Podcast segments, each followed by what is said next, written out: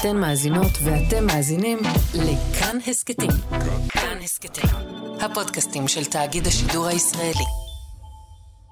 לפני שנתחיל, הפרק שאתם עומדים להאזין לו הוא הפרק השלישי והאחרון בטרילוגיה שלנו, רובו שאול.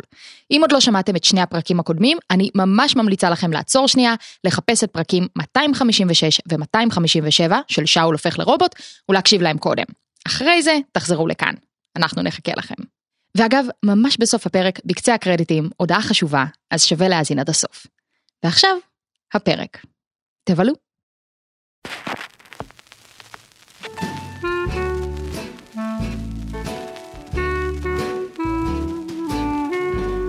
היי, ברוכים הבאים לחיות כיס.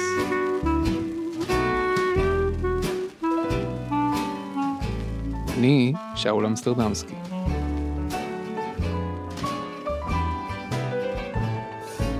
A heart that's full of life, the land. הצלילים האלה שאתם מאזינים להם הם קאבר מוצלח במיוחד, לפחות לטעמי. זה פרנק סינטרה, מבצע את השיר הכל כך יפה של רדיוהד, No Surprises. בואו נשמע את זה לכמה רגעים ביחד, ונתענג על הצלילים. No alarms and no surprises. No alarms and no surprises. No alarms and no surprises. יפה, לא? הסיבה שאני באמת מחבב את הקאבר הזה הוא שפרנק סינטרה באמת היה מבצע יוצא דופן. הקול שלו, ההגשה שלו, האינטרפטציה שלו למילים וללחן, אין דברים כאלה. רק הוא ידע לעשות את זה. מצד שני, המילים של רדיוהד, האירוניה הקיומית בטקסטים שלהם, המלנכוליה המתקתקה הזו, אני מת על זה. והשילוב ביניהם, אין, זה אדיר. להקת רדיוהד התחילה את דרכה ב-1985 בבריטניה, אבל לקח לה קצת זמן לנוע מהשוליים של הרוק האלטרנטיבי עמוק לתוך המיינסטרים שלו ולזכות בתהילה בינלאומית. השיר No Surprises יצא באלבום השלישי שלה, OK Computer, ושוחרר כסינגל הרדיו בינואר 1998. פרנק סינטרה נולד ב-1915 בניו ג'רזי, ארצות הברית. הוא פרץ בגיל 20, נהיה כוכב כבר בגיל 25, זה היה ב-1940. בינואר 1998, כשרדיוהד שחררו את No Surprises בתור סינגל, סינטרה כבר היה בן 82. מאחוריו כבר הייתה קריירה ענפה, שכללה מוזיקה וקולנוע וטלוויזיה, אפילו פוליטיקה, מה שאתם לא רוצים. ארבעה חודשים מאוחר יותר, במאי 1998, הוא מת בבית החולים בלוס אנג'לס מהתקף לב. וזה חלק ממה שאני אוהב בביצוע הזה. פרנק סינטרה, בן ה-82, ממש חודשים ספורים לפני מותו, שמע את הסינגל החדש של רדיוהד, זיהה את הגאונות שלו הרבה לפני הקהל הרחב, ומיהר להקליט לו גרסת קאבר משלו. ממש כמעט על ערש דווי. איזה סיפור מדהים. רק שהוא לא נכון. סינטרה לא הכיר את השיר של רדיוהד, ובטח לא הספיק להקליט לו שום גרסת כיסוי. הוא סבל מכל מיני בעיות בריאותיות, והפסיק להקליט ולהופיע בערך שלוש שנים קודם לכן. מה שאומר, שמי ששמעתם כאן עכשיו, זה לא פרנק סינטרה. זה רובו סינטרה. No surprises for me.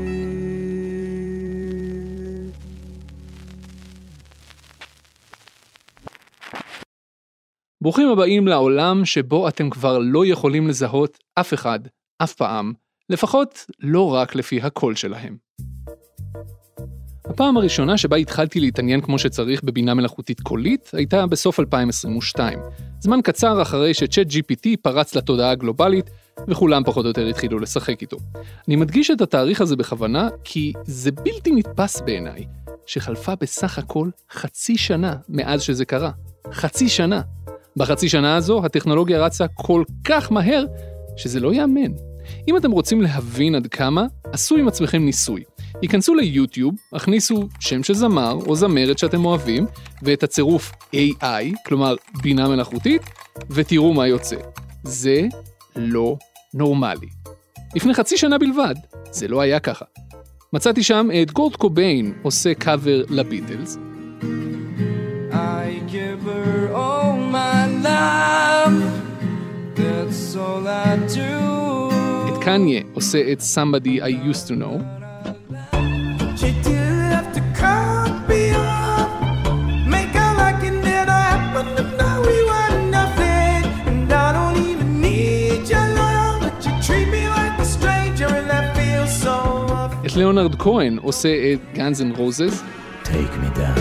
to the paradise city where the grass is green and the girls are pretty. I want you. Take me home. ומשום מה את לאנה דל ריי עושה כל שיר אפשרי ביקום, תהרגו אותי למה. אנחנו חיים בתקופה שבה מצד אחד לכל העולם יש נגישות לאין ספור שעות של הקולות של כל האנשים הכי מפורסמים, מהנשיא הסיני ועד לאחרונת הזמרות בפינלנד, ומצד שני, נגישות גדלה והולכת לטכנולוגיות מתקדמות של בינה מלאכותית קולית. רוצים דוגמאות? בבקשה. הסטארט-אפ Voicify מאפשר לכם להעלות שיר שאתם שרים בקול שלכם, ולהפוך אותו על המקום לשיר שמבוצע על ידי אחד הזמרים או הזמרות שאתם אוהבים. וכך פשוט ליצור כל קאבר אפשרי שבעולם. בזמן האחרון הם גם עברו לדמויות מפורסמות אחרות, כמו מרג' סימפסון למשל. שווה לכם לנסות אותם. Just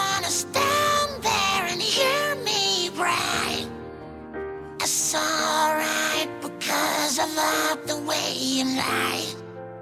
Love the way you lie.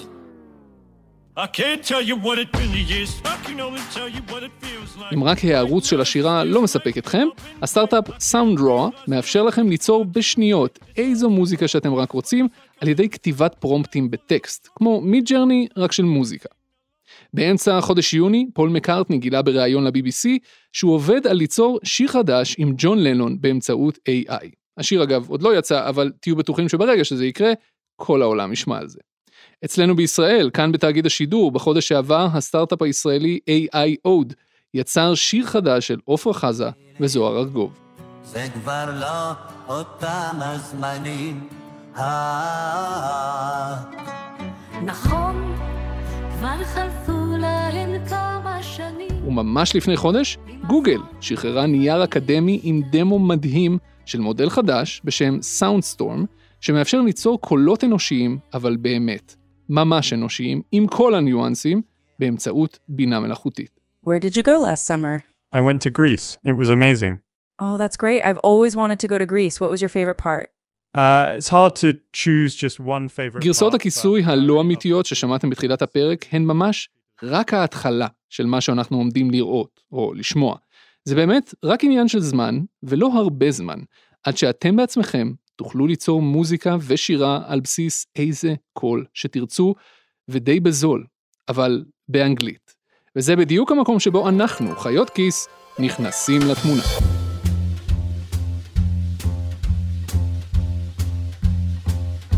הפרק השני של פרויקט רובו שאול, הפרויקט שבו אני מייצר מכונה מבוססת בינה מלאכותית שתדע לדבר בקולי, שודר בסוף חודש פברואר. בסוף הפרק סיפרנו שהחלטנו לקחת את המאמץ שלנו צעד אחד קדימה. מאחר שבעברית אין עדיין אפליקציה או תוכנה שאני יכול פשוט להזין אליהן דגימה של הקול שלי וטקסט בעברית, והן תדענה לייצר רובוט שיודע לדבר ממש כמוני, אז אנחנו צריכים לייצר פתרון כזה מאפס. ומאחר שבא לנו לעשות משהו מגניב, החלטנו להפוך את זה לתחרות בקוד פתוח. עבדנו קשה מאוד ויצרנו מאגר ענק של עשרות שעות עם דגימת הקול שלי, מתומללות ומנוקדות, והזמנו מפתחים ומפתחות לבוא ולפתח רובו שאול, ולראות מי הכי טוב, מי מנצח. שמנו דדליין יומרני לחלוטין, 1 במאי, בחצות. ואז, הדדליין הזה הגיע.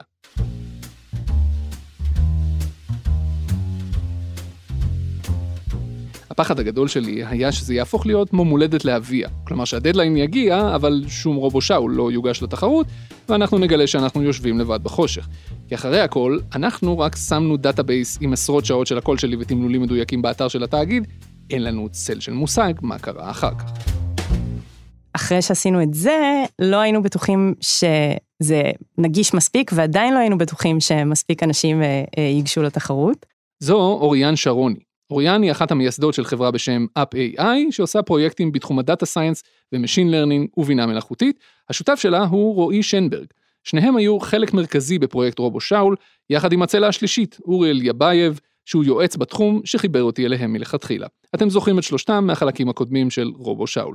ביום של ההגשה, כן, אז לא הייתי ערה בחצות, אבל התעוררתי לפנות בוקר בלילה הזה, ואמרתי לעצמי, רגע, אני חייבת לבדוק את המייל.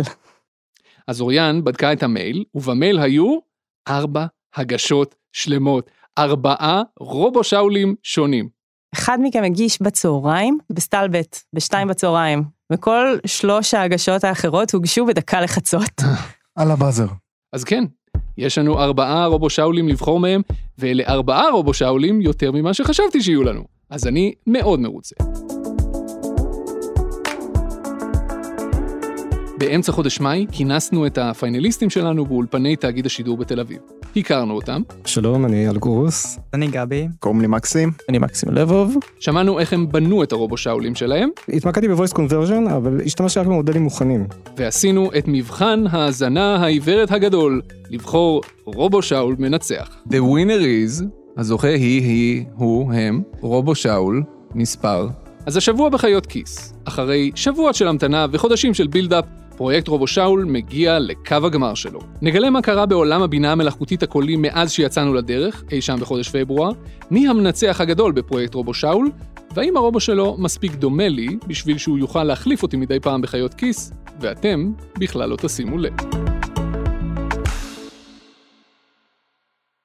שאול, אתה יודע מה הסיוט הכי גדול שלך מהפרויקט הזה של רובו שאול? מה?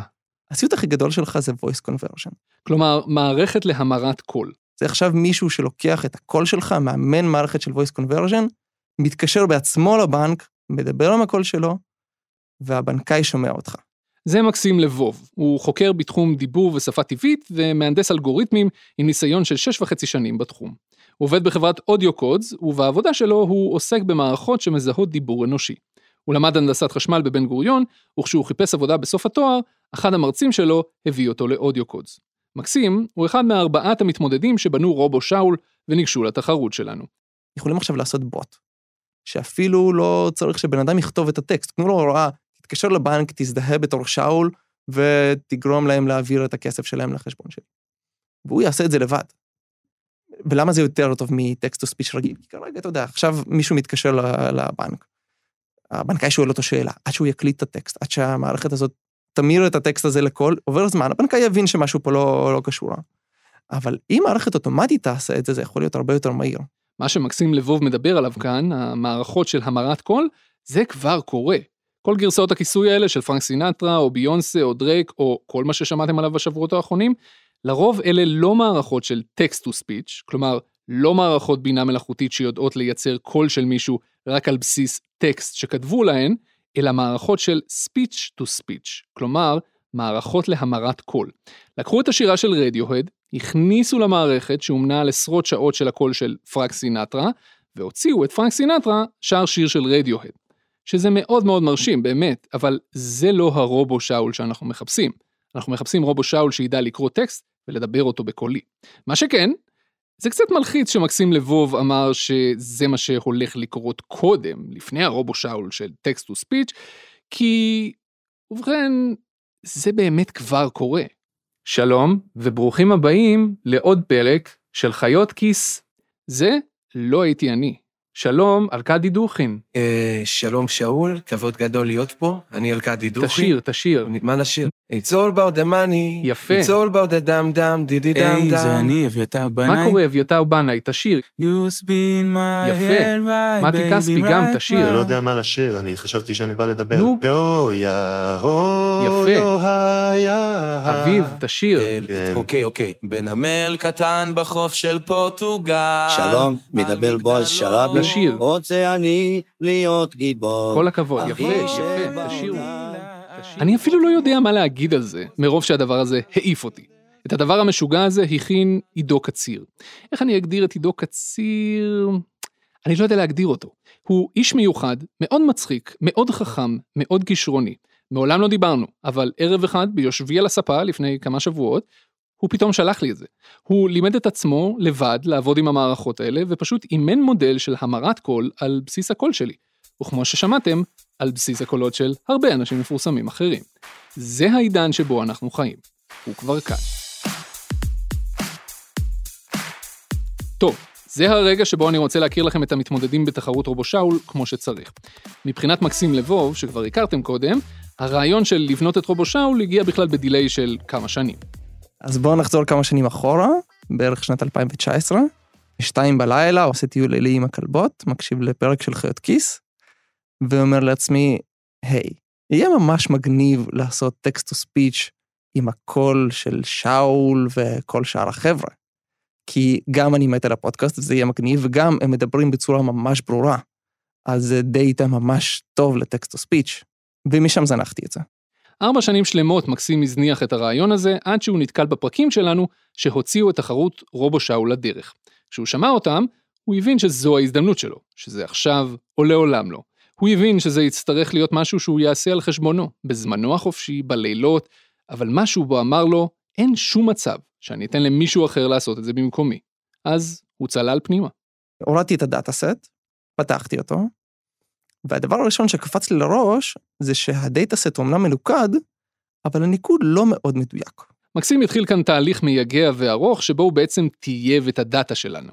הוא השתמש בקול עצמו, בקטעי הדיבור שלי, בשביל להבין אם למשל אני אומר לחיות או לחיות, שאלה שתי מילים שאולי נכתבות אותו הדבר, אבל נהגות אחרת ויש להן משמעות שונה.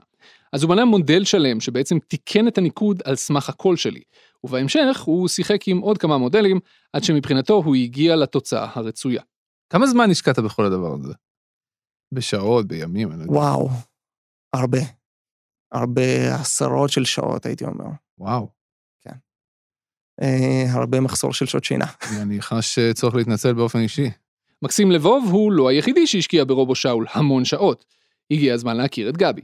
אני גבי, אני גבריאל חבלבסקי, אני תכף בן 21, והשתחררתי לפני שבוע. הייתי חוקר מודיעין אוויר, ו... וזהו, זה אני. גבי גר בצור הדסה והוא מגדיר את עצמו שהוא אוהב חידות היגיון ומשחקי קופסה. על רובו שאול הוא התחיל לעבוד בחופשת השחרור שלו מצה"ל. אז לפני בערך שנה, שנה וחצי, התחלתי ללמוד תכנות לבד, ואז כזה גם שילבתי את זה בצבא, וממש אהבתי את כל הרעיון, את כל איך שזה עובד, את הכלי הזה בעצם. למדתי, חקרתי, ואז בעצם אני חיפשתי את האתגר הבא. אני עוקב די הדוק אחרי הפודקאסט, ואז פתאום באחד הפודקאסטים אמ, בעצם הצגת את כל הרעיון הזה, והתלהבתי ממש, ואמרתי שזה המקום בשבילי, אני חייב, אני חייב לעשות את זה, זה האתגר הבא שלי. בהתחלה גבי לא באמת ידע מה הוא עושה. הוא לא ידע איך עובדת בינה מלאכותית ולא כלום. אז הוא התחיל לקרוא מאמרים ופשוט לימד את עצמו. אתה יושב בבסיס וקורא מאמרים של IBM? אה, כן, בטלפון. המחקר העצמי שלו הוביל אותו להבין שהטכנולוגיה הזו כבר קיימת פשוט בשפות אחרות, אז הוא ניסה לגייר אותה במקום להמציא את הגלגל מחדש. הוא לקח את כל ה database שבנינו והמיר אותו לאנגלית. משם הוא התחיל לבנות מודלים וניסה לאמן אותם. בהתחלה זה לא הלך. גם במודל השני לא הצלחתי, אבל זה כל פעם היה קצת יותר טוב. קצת יותר טוב וקצת יותר טוב, עד שהגעתי לתוצאה שהגעתי איתה לפה, שאני די מרוצה ממנה. בחלק הזה של השיחה עם גבי, רועי, אורי, אוריאן ואני היינו די מוקסמים. ישב מולנו חייל משוחרר בן 21 בסך הכל, שבתוך סדר גודל של חודשיים לימד את עצמו מאפס את כל הסיפור הזה, והחליט שהוא יוצר רובו שאול ויהי מה. ואז, אם הסיפור סינדרלה הזה לא היה מספיק קסום, גבי פתאום שלף משהו בלתי צפוי. יש גם מודל תלת מימד שמדבר סימולטנית לפי מה שהכל אומר. מה? מה? מה? מודל תלת מימד שנראה כמוך, שמדבר ביחד עם הכל. תוך כדי שאנחנו מראיינים אותו באולפן על תחרות רובו שאול, תחרות שבה הוא היה אמור ליצור רובוט דיגיטלי שידע לדבר בקולי, גבי פתאום שלף קופסה מהתיק, קופסה פיזית. מה זה התלת מימד הזה? אני... זה כאילו... אני עכשיו אפתח את זה, זה בקופסת אוכל. לרגע הייתה לי תקווה שאתה מוציא עוגיות. אה, טוב, אז אני פשוט אתאר את מה שקורה פה עכשיו, כאילו, כן, גבי אני לא יושב פה. עם אה, קופסה שהיו יכולות להיות בה עוגיות, אבל במקום זה... יוצאים מזה חוטים. זה כמו מטען. אה, יוצאים ממנה חוטים ומשהו שעטוף במגבת. מה זה? Oh my, אוי. God. Oh my God. שהוא בעצם פותח את הפה. זה בובה. זה- זה- זה רובו שאול אמיתי, כאילו. הוא ילד אמיתי. וואו, לא ציפינו את זה. רגע, רגע, לא הבנתי. וזה מחובר למחשב ואז שהוא... וואי, לא, אתה חייב להראות את זה. שאול, מישהו פעם אי פעם השקיע בך? לא? אף אחד. לא הילדים שלי, ולא אה, בת הזוג שלי, ולא ההורים שלי, ולא... אף אחד לא השקיע בי כמו שגבי השקיע בי. הבובה הזו שאנחנו מדברים עליה פה היא דגם תלת מימד קטן שלי, רק בתור דמות מסאוף פארק. גבי עיצב אותה והדפיס אותה במדפסת תלת מימד וחיבר לחיישנים. כשהחיישנים קולטים קול, כלומר את הרובו שאול הדיגיטלי מדבר, אז הם מפעילים את בובת רובו שאול הפיזי, והוא פותח וסוגר את הפה בהתאם. בחלומות הכי משונים שלי, לא חלמתי שאני אפגוש את רובו שאול פנים אל פנים, אבל זה בדיוק מה שקרה. תשמע, אני רוצה להגיד לך משהו. אני לא יודע אם הרובו שאול שלך הוא הטוב ביותר או לא, אין לי מושג, אנחנו נשפוט וננקד. אבל אתה תגיע רחוק בחיים, כן. אתה, אתה פשוט תגיע רחוק. אוקיי, השתפכנו, מספיק. הגיע הזמן להכיר את מתמודד מספר 3 בתחרות רובו שאול. שלום, אני אלגורוס, אני אומן, אני איש אה, אלגוריתמים ולמידת מכונה, אני יועץ בתחום ואני מלמד את השילוב של אומנות ואלגוריתמים או למידת מכונה ב- בשם של אה, יצירתיות חישובית. אייל בכלל עשה דוקטורט בפיזיקה, וזה השלב שהוא התחיל להתעסק בלמידת מכונה, וגם באומנות בשביל הנפש. שנייה לפני שהוא הגיע אלינו לתחרות, הוא העביר סדנה בגרמניה למעצבים שלא יודעים לתכנת, אבל השתמשו ב-GPT בשביל ליצור קוד שבונה אתרים. מבחינתו, כלי הבינה המלאכותית נותנים כאילו כוחות על לאנשים שלא יודעים לכתוב קוד. כששאלנו אותו איך הוא הגיע לתחרות רובו שאול, הוא סיפר שזה הכל התחיל בגלל ספר ישן של המשורר דוד אבידן, שנקרא הפסיכיאטר האלקטרוני שלי, שיצא ב-1974. גם הזהות הפרטית שלנו היא מין חפץ, נכס, רכוש, מטרד. התרגיל שיודגם כאן הוא ניסוי בלתי מזיק בהשמדה זמנית של הזהות העצמית. הציוד הדרוש... זה ספר על שיחות עם מין צ'טבוט כזה של פעם, שקראו לו אלייזה. הספר עצמו, אני גם לא בטוח כמה הוא מעניין, אבל ההקדמה לספר מאוד מעניינת. הוא מדבר שם על אה, עתיד שבו אה, נתקתק אה, שורה ויתוקתק עמוד, נתקתק עמוד ויתוקתק ספר. שאנחנו נהיה המוח המנחה והעין המאשרת. המכונה תעשה את העבודה המשרדית הקשה, ואנחנו נהיה סוג של במאים ותסריטאים. זה ספר מלפני 50 שנה, כן? ולמרות שאני מתעסק עם התחומים האלה כבר כמה שנים, רק בשנה שנתיים האחרונות אני מרגיש שזה ממש עכשיו קורה. אייל עבד בכלל על פרויקט אחר שקשור בדוד אבידן, ותכנן להקים את המשורר המת לתחייה, ליצור לו אבטר דיגיטלי שמדבר בקולו האמיתי. ואז הוא נתקל בתחרות רובו שאול, וזו נראתה לו כמו הזדמנות טובה לקדם את הטכנולוגיה הזו. אז הוא נכנס פנימה. והגישה שהוא הביא איתו הייתה שונה לגמרי ממה שעשו יתר המתמודדים בתחרות.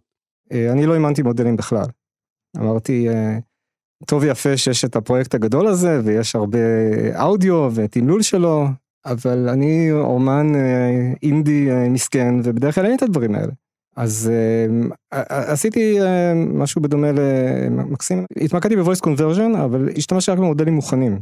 לקחתי מודל שמתרגם טקסט לספיץ'. בשלב הזה ההסבר של אייל נהיה קצת טכני, אז אני אעזור לו לתרגם. הוא לקח את המודל הבסיסי שיצרו אוריאן ורועי, זה שהשמענו בסוף פרק 2 של רובו שאול, שיודע לקבל טקסט כתוב ולהגיד אותו בקולי. הוא לקח אותו וחיבר אותו למודל אחר של המרת קול. ואז הוא לקח מערכת של גוגל שכולם יכולים להשתמש בה. זו שמקלידים לה טקסט והיא מדברת אותו בקול של אישה, כמו סירי או כל עוזר קולי אחר.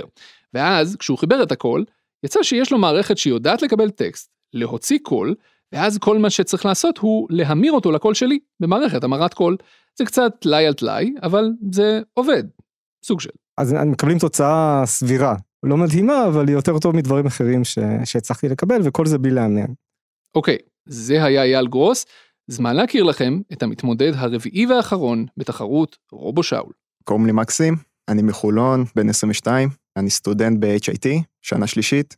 כן, יש לנו שני מקסימים בתחרות הזאת, וכן, גם אותנו זה מאוד מבלבל. מקסים הגדיר את עצמו כמי שמתעסק ב-AI פשוט כי כיף לו עם זה.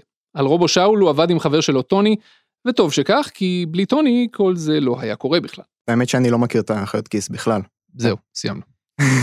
נפסל. למה הבאתם אותו? למה הוא חלק מהאירוע? לא הבנתי. כן. אבל טוני מכיר. טוני מכיר. כן.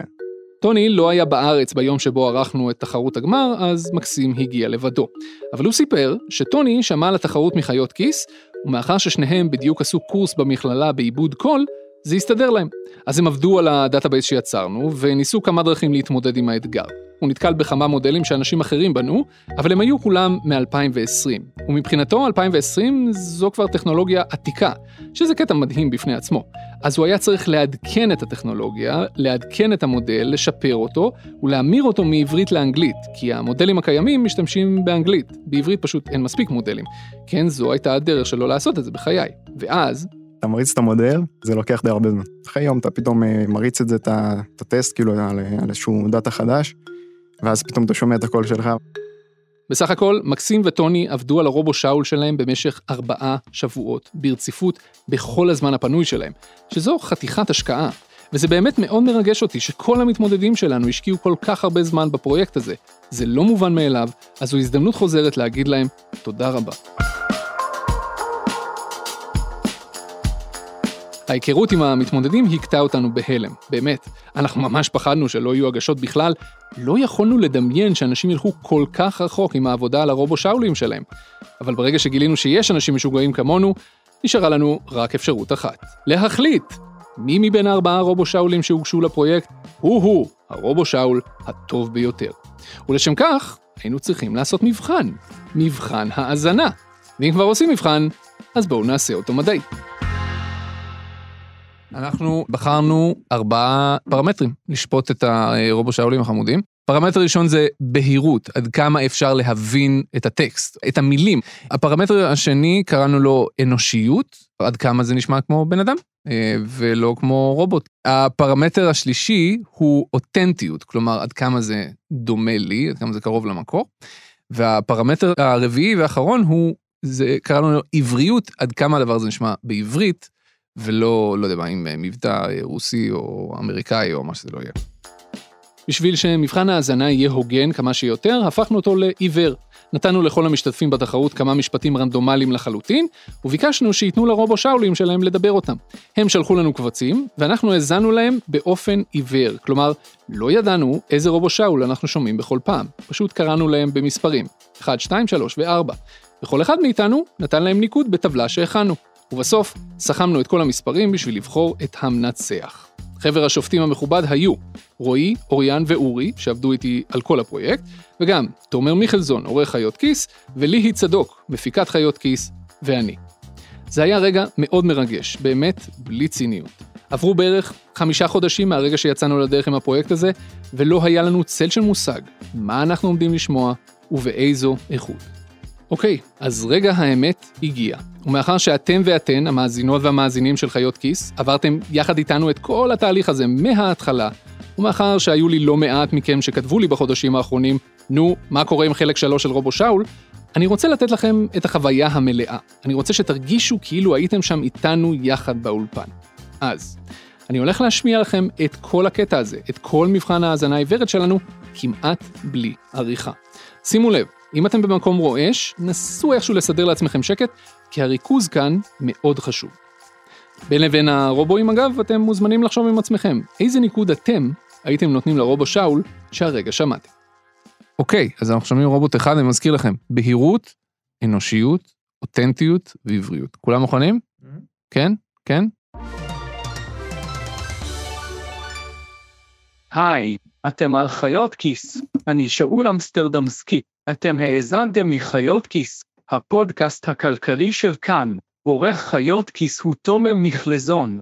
במערכת חיות כיס תמצאו גם את צביר אברהם. בואו ניתן עוד אחד.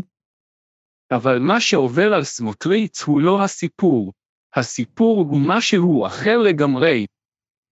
בואו ניתן עוד אחד. ובשביל להבין למה מחיר הדלק כל כך עלה, צריך לחזור שנתיים אחורנית. אתה יכול להמשיך.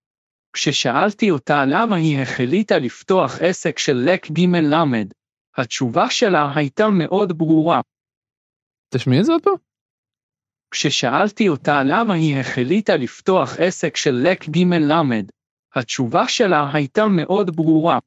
מה זה לק ג' למד? מה זה? לק אולי? סוג... אה, זה לק ג'ל. פשוט מתנדב מהקיבוץ, אז הוא לא... לא מכיר. לא מכיר את המושג. מתנדב מה... בוא ניתן עוד אחד. תגידו, גנבו לכם פעם את האוטו ופשוט ידעתם שאין טעם להגיש תלונה. במשטרה, שמתם לב שהוא ידע להגיד הוא פשוט? אני מאוד מעריך את הרובוט הזה. טוב, אה, כולם... אה, כולם דירגו? אני חייב? להגיד משהו, זה היה, כאילו, נשמע, אבל זה לא נשמע כמוך, נכון? או זה רק אני אתה בזה. אומר באותנטיות זה, אתה נותן לו לא- פחות. לא הייתי חושב אי פעם שזה אתה. מהמם. אז זה נשמע טוב, אבל זה לא אתה. הטקסט מובן אבל. נכון, כן, זה מה שאני אומר. מובן לחלוטין, כאילו, בבהירות, זה... כן. אוקיי, זה היה רובו שאול מספר 1. חישבו מה הציון הכללי שאתם נותנים לו, הנה אנחנו עוברים לרובו שאול מספר 2. אוקיי, רובו שאול 2, אנחנו מוכנים. היי, אתם על חיות כיס, אני שאול אמסטרדמסקי. אתם האזנתם לחיות כיס, הפודקאסט הכלכלי של כאן. עורך חיות כיס הוא תומר מחזון. במערכת חיות כיס תמצאו גם את צליר אברהם, הבא. אבל מה שעובר על סמוטריץ' הוא לא הסיפור, הסיפור הוא משהו אחר לגמרי. מהמם. ובשביל להבין למה מחיר הדלק כל כך עלה, צריך לחזור שנתיים אחורנית. אפשר לשמוע את זה שוב? ובשביל להבין למה מחיר הדלק כל כך עלה, צריך לחזור שנתיים אחורנית. אוקיי, הבא. כששאלתי אותה למה היא החליטה לפתוח עסק של לקג'ל, התשובה שלה הייתה מאוד ברורה. אתגרתי אותם עם הלאגג'ל, זה כאילו, זה לא הוגן. אפשר לשמוע את זה שוב, אלעד? את האחרון? כששאלתי אותה למה היא החליטה לפתוח עסק של לקג'ל, התשובה שלה הייתה מאוד ברורה. בוא ניתן עוד אחד. תגידו, גנבו לכם פעם את האוטו ופשוט ידעתם שאין טעם להגיש תלונה במשטרה. אה, ופשוט, הניגון שלה, ופשוט זה ממש, כן, זה ממש ממש יפה. נכון? האינטונציה וה... כן, כן, כן, הניגון של שאול. הניגון ממש ממש. אני אספר לכם בסוף שאני השמעתי את הכל לילדים שלי, ו... אה, הם כאילו... הם התבלבלו. אה, הם לא התבלבלו, אבל שאלתי אותם כאילו, מי זה? והם הם כאילו, ידעו להגיד, "זה- זה אתה. אוקיי, אנחנו באמצע, שני רובו שאולים מאחורינו, עוד שניים נשארו. הנה הבא בתור. היי, אתם על חיות כיס, אה, שאול אמסטרדמסקי. אתם האזנתם לחיות כיס, הפודקאסט הכלכלי של כאן. עורך חיות כיס, זאת אומרת מיכלזון. במערכת חיות כיס תמצאו גם את צליל אברהם. יפה מאוד. עוד אחד? אבל מה שעובר על סמוטריץ' הוא לא הסיפור, הסיפור הוא משהו אחר לגמרי. עוד אחד? ובשביל להבין למה מחיר הדלק כל כך עלה צריך לחזור שנתיים אחורנית. אנחנו מוכנים לבא. כששאלתי אותה למה היא החליטה לפתוח עסק של לקג'ל, התשובה שלה הייתה מאוד ברורה. קשה, קשה לי עם הלקג'ל. זה היה ראשון שזה לא היה לקג'ל. זה היה- עוד אחד אחרון. תגידו, גנבו לכם פעם את האוטו, ופשוט ידעתם שאין טעם להגיש תלונה במשטרה. ההיסוס שלו יפה. אפשר לשמוע את זה שוב? כן. תגידו, גנבו לכם פעם את האוטו, ופשוט ידעתם שאין טעם להגיש תלונה במשטרה. יש לו ניגון... אה, מתכתי. לא, הוא, ה- הוא מדבר קצת מתחתי, אבל הניגון, ניגון דיבור שלו הוא אה, לא רע בכלל בעיניי.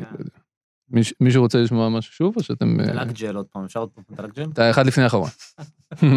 כששאלתי אותה למה היא החליטה לפתוח עסק של לקג'ל, התשובה שלה הייתה מאוד ברורה. אני רוצה להגיד שהוא התמודד עם זה מאוד יפה. כן. יש, מה הקטע עם השמות? כאילו, כולם נופלים בסמוטריץ'. וה... כי זה, תחשוב, זה לא מילה, גם לא השם נפוץ, שלך, זה. לא מילה. זה ניקוד שלו, זה... יש עניין עם טעם. כאילו, הטעמים, אתה לא יודע בעצם כשאתה רואה טקסט, גם כשאתה בחיים לא כן. פגשת את השם, אתה לא תדע איך הוגים אותו, הם אומרים סמוטריץ' או סמוטריץ'. נכון. או סמוטריץ'. אתה יודע כמה פעמים קורה לי ברדיו, שכאילו אני מעלה מרואיין, ואז אני רואה את השם משפחה שלו, ואני אומר, אה, fuck, איך אני הולך להגיד את זה, כאילו, כן. צריך לברר את זה לפני. כן, כן. זה נכון. בדיוק, כן. ואני עוד מאוד רגיש לזה, כאילו, זה לא, כן. והנה הגיע הזמן לעבור לרובו שאול, הרביעי והאחרון. אתם על חיות כיס, אני שאול אמסטרדמסקי. אתם האזנתם להיות כיס, הפודקאסט הכלכלי של כאן, עורך חיות כיס, הוא תומר מיכלזון. במערכת חיות כיס תמצאו גם את צליל אברהם. הבא, אבל מה שעובר על סמוטריץ' הוא לא הסיפור, הסיפור הוא משהו אחר לגמרי. וואו, יש לו אופי... אה, דארק ויידר כזה. הוא אפל, הוא גותי, כן. טרו קריים שאול. הוא עבר הרבה בחיים, היה הרובוט הזה. אה, אה, אנחנו מוכנים לבא. ובשביל להבין למה מחיר הדלק כל כך עלה, צריך לחזור שנתיים אחורנית. הקטע הזה אצל רובם ממש טוב, עם המחיר דלק, נכון? זה רק אני או שגם אתם? כן, כן, כי המשפט הזה מתנגן טוב אצל הרוב. מה, סמוטריץ'? שאול רגיל לדבר על מכירת דלק. לא, הסמוטריץ' לא, כן, כן, לא, הדלק. סתם. לא, כן, גם ההיסוס הזה שם, כאילו, הפאוזה הזאת. כן, כן, כן. כן, באמת, אפשר לשמוע את זה שוב? סליחה, אני... ובשביל להבין למה מחיר הדלק כל כך עלה, צריך לחזור שנתיים אחורנית. נכון, יש לה פאוזה יפה שם, כן, נכון. נקסט, כששאלתי אותה למה היא החליטה לפתוח עסק של לקל, התשובה שלה הייתה מאוד ברורה. הוא ויתר. הוא פשוט ויתר על ה... אוקיי, אלה היו כל הרובו שאולים. אחרי שסיימנו להאזין לכולם, דירגנו את כולם באקסל הגדול שבנינו, והיו לנו תוצאות. כל המתמודדים, מקסים, מקסים השני, גבי ואייל, נכנסו יחד איתנו להיות באולפן. זה היה ברור שכולם היו מאוד מאוד נרגשים. חודשים של עבודה היו מאחוריהם, מאחורי כולנו למעשה. הגיע רגע האמת. טוב, אז אנחנו שמענו ארבעה רובוטים, אין לנו צל של מושג מה של מי. יש לנו אה, זוכה. אה, רגע, שאול, אתה רוצה שאני אביא את אה, כן, כן, יש לנו... אה, יש גביעים, וואו. רוח קשה. לא, יש גביע אחד ויש מדליות. הכנסנו לאולפן גם את המדליות שהכנו למשתתפים, וגם את הגביע שהכנו למי שיזכה במקום הראשון. ועכשיו באמת הכל היה מוכן, ולא נותר אלא להכריז על הזוכה. אז במקום הרביעי היה לנו את רובו שאול מספר 1, שאני לא יודע מי זה. זה אתה, אייל? למקום הרביעי הגיע רובו שאול מספר 1, זה עם המבטא של המתנדב בקיבוץ. אתם האזנתם מחיות כיס, הפודקאסט הכלכלי של כאן. זה היה רובו שאול של אייל גרוס. ביחס לזה שהוא עבד עליו בסך הכל רק כמה שעות לפני הדדליין עצמו, זה היה לא רע בכלל, אבל עדיין לא מספיק בשביל להיכנס לפיינל 3. אז, אה, במקום השלישי, רובו שאול מספר 4. מי זה היה? גבי, כל הכבוד. גבי הוא המשתתף שבדיוק השתחרר מצה"ל והכין גם רובו שאול תלת מימד. הוא באמת היה מאוד מאוד חמוד, אבל הרובו שאול שלו יצא קצת גותי, לא, לא מספיק קרוב למקור. אבל מה שעובר על סמוטריץ' הוא לא הסיפור, הסיפור הוא משהו אחר לגמרי. מה שאומר שלקו הסיום של רובו שאול הגיעו מקסים ומקסים. אז הפער בין המקום הראשון למקום השני הוא פער של נקודה בסך הכל. אתם יודעים להגיד מה היטה את הכף מבחינתכם? השלב של האותנטיות. מי שקיבל יותר נקודות זה מי שנשמע יותר טוב כמוך, מי שדומה לך יותר בקול. הם היו מאוד קרובים. נכון. הם היו מאוד מאוד קרובים, נכון? זה כאילו עוד קצת וזה ממש היה כבר אה, נשמע כמוני.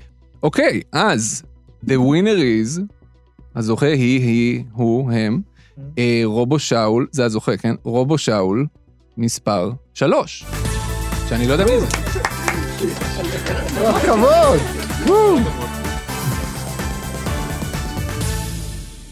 רובו שאול המנצח היה רובו שאול מספר שלוש של מקסים וטוני. תגידו, גנבו לכם פעם את האוטו ופשוט ידעתם שאין טעם להגיש תלונה במשטרה. כששאלתי אותה למה היא החליטה לפתוח עסק שלה, התשובה שלה הייתה מאוד ברורה. היה, היה פה רגע, היה פה רגע. כן, שהוא- כן, היה התלהבות. אוקיי, אז אה, אה, מקס בוגם אתה אלינו. אה, הענקנו למקסים את הגביע, הצטלמנו בכל מיני הרכבים, ובעיקר היינו מאוד מאוד שמחים שהפרויקט הזה הגיע לקו הסיום שלו עם רובו שאול של ממש. הרבה אנשים השקיעו הרבה מאוד שעות בפרויקט הזה, גם המתמודדים וגם אנחנו, והיה נחמד לראות שזה קורם עור וגידים מול העיניים. עכשיו, אני יודע מה אתם חושבים. גם הרובו שאול המנצח לא באמת נשמע כמוני. הוא עדיין לא מסוגל להגיש פרקים של חיות כיס בלי שתשימו לב. וזה נכון, אבל באמצע יוני, בערך חודש אחרי אירוע הגמר של רובו שאול, קיבלתי מייל ממקסים לבוב, המקסים שהגיע למקום השני בגמר. מסתבר שהוא המשיך לשכלל את הרובו שאול שלו גם אחרי הגמר, ועל הדרך הוא יצר עוד משהו. הוא צירף למייל שלו שלוש דגימות קול. זוכרים את המשפטים שכתבנו למשתתפים בתחרות, ושהם היו צריכים לתת לרובו שאול להקריא? היי, אתם על חיות כיס, אני שאול אמסטרדמסקי. אז עכשיו, אם רובו שאול לא רוצה להרגיש לבד, הוא תמיד יכול להזמין חברים. למשל, את צליל אברהם. אתם האזנתם לחיות כיס, הפודקאסט הכלכלי של כאן. עורך חיות כיס הוא... או את ענת קורול גורדון. תגידו, גנבו לכם פעם את האוטו ופשוט ידעתם שאין טעם להגיש תלונה במשטרה. או את אלונה מיצי. דוריס, יונתן ואיאן יודעים שלא כל יהודי ארצות הברית מסכימים עם הגישה שלהם. אפילו הצלחנו לאחד את כל המגישים של חיות כיס לדורותיהם למפגש פסגה. היי, מה איתנו? למה לשאר חברי הפודקאסטים רובוט? צליל, אני מסכים. לדעתי זה לא הוגן שרק לשאול יש. לגמרי. אני בעד מרד הרובוטים של חיות כיס.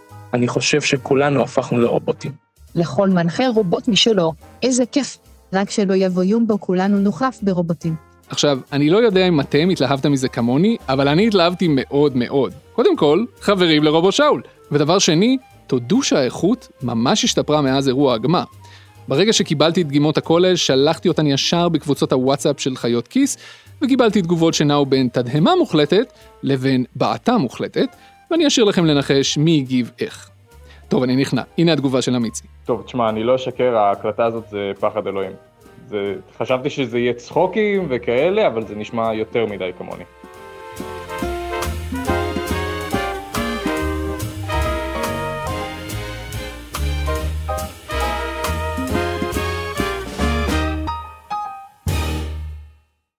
כשיצאנו אל הדרך, אי שם לפני חצי שנה, בתחילת העונה של חיות כיס, לא היה לי צל של מושג מה יקרה בקו הסיום. כבר על ההתחלה, כששאלתי את רועי ואוריאן כמה זמן ייקח לבנות רובו שאול שבאמת יישמע כמוני, אחד לאחד כמוני, ההערכה שלהם, ככה מהבטן, הייתה לא פחות משנה.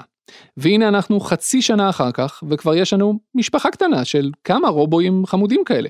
ואם נשפוט לפי הקצב שהטכנולוגיה מתפתחת באנגלית, איפה שיש שוק משמעותי מאוד, אז יש סיכוי שגם אצלנו, בעולם דוברי העברית, נגיע לשם בעוד חצי שנה, או שנה, גג שנתיים. לא נראה לי שיותר מזה. וזו הנקודה שבה אנחנו נניח לפרויקט הזה וניתן לאנשים שמפתחים את הטכנולוגיה הזו לשחק איתה ולעשות את שלהם. בחצי שנה האחרונה קרו הרבה דברים במדינה הזאת. בין היתר, גם הטכנולוגיה התקדמה בקצב מופלא. בפרויקט רובו שאול אנחנו התמקדנו בבינה מלאכותית קולית, אבל גם בתחומים אחרים, טקסט, תמונות, וידאו, גם שם יש קפיצות דרך מדהימות שפורצות לתודעה כל שבוע או שבועיים. זה גם השלב שכל ההתפתחויות הטכנולוגיות האלה מתחילות להפחיד בצורה רצינית הרבה מאוד אנשים רציניים. עימאד מוסטק, היזם של חברת Stability AI, אמר לפני שבוע שלדעתו בתוך עשר שנים אנשים כבר לא יכתבו קוד, רק הבינה המלאכותית תעשה את זה. ההתפתחויות בטכנולוגיית בינה מלאכותית של סאונד ומוזיקה די מייתרות את כל המוזיקאים שעושים היום כסף מזה שהם יוצרים קטעי מוזיקה שאחר כך משמשים בסרטים ובסרטוני וידאו ואיפה לא.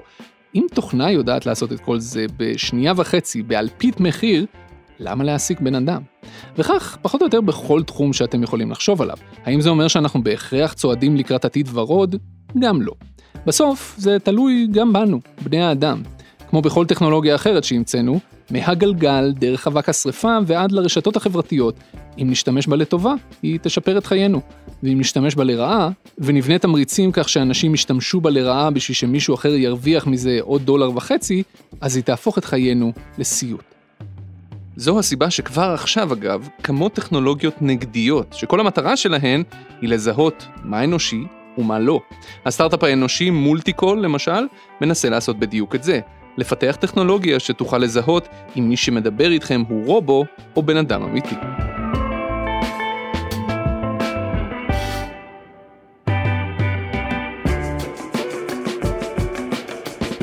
הגענו לסיום. החלק של הסיום של הפרק הוא תמיד הכי קשה, לפחות בשבילי. ואני מודה, הפעם הייתי קצת תקוע בכתיבה. אז הראתי לתומר מיכלזון, העורך של חיות כיס, את הטיוטה הראשונה של הפרק הזה, וגם הוא העיר לי שהסיום צריך להיות קצת יותר... מה המילה שאני מחפש? קצת יותר מעניין, או מעורר השראה, או משהו שנשאר עם המאזינים. ולא היו לי כל כך רעיונות, ובאמת שברתי את הראש. עד שבסוף, החלטתי לנסות משהו. נכנסתי לאתר של Pi AI, שזו מערכת בינה מלאכותית שאמורה להיות קצת יותר אמפתית מ-ChatGPT, והזנתי שם שאלות.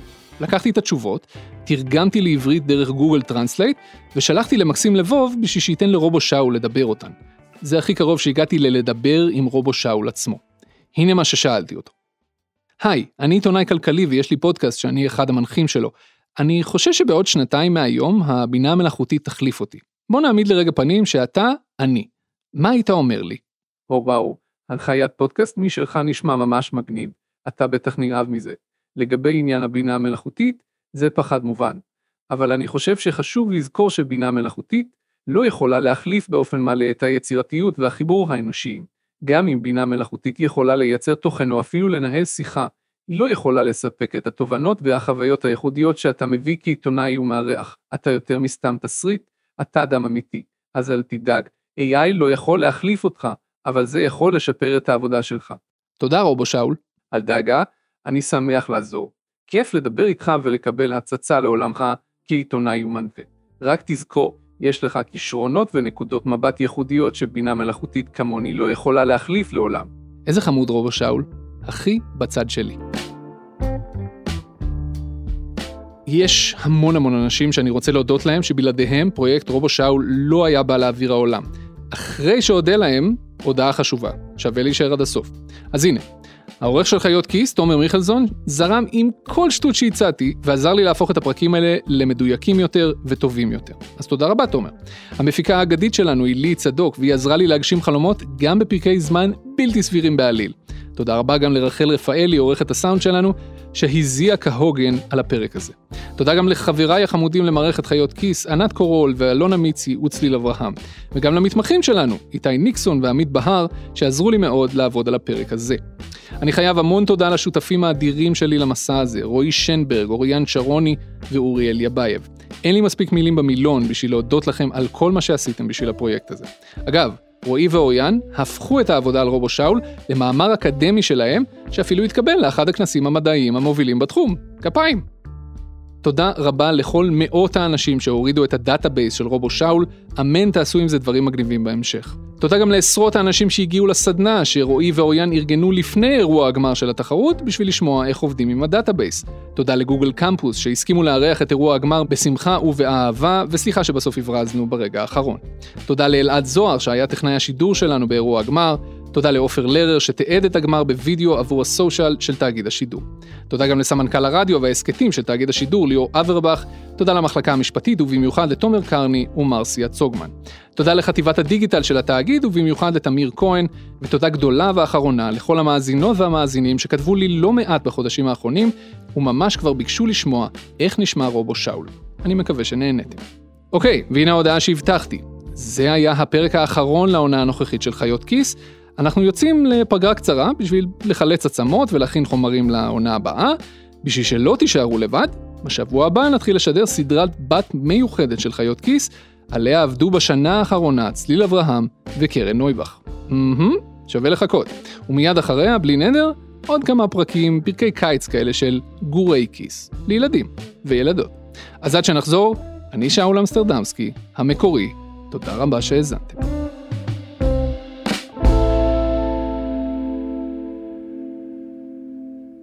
מה הקשר בין פיקאצ'ו לעודף? פיקאצ'ו פוקימון מחשמל, נכון? עודף זה כשיש לך קצת מטבעות או שטרות בכיס. אז מה הקשר ביניהם? ואיך זה קשור לסיבה שפיקאצ'ו לא מפסיק לנצח את רטטה, אבל גם פיקאצ'ו הוא עכבר. איך זה יכול להיות? ואיך זה קשור למהפכה התעשייתית? אולי נשאל את אייזיק ניוטון, לא? אה, לא, הוא מת. אז אולי נשאל מישהו אחר? אולי לא נשאל אף אחד? מעניין, לא? אולי נשאל את רוטמן, תמידי רוטמן, של הרפורמה? בואו נשאל אותו. אה, הוא בטח לא יודע. אני שאול אמסטרדמסקי, וזה עוד פרק של חיות כיס.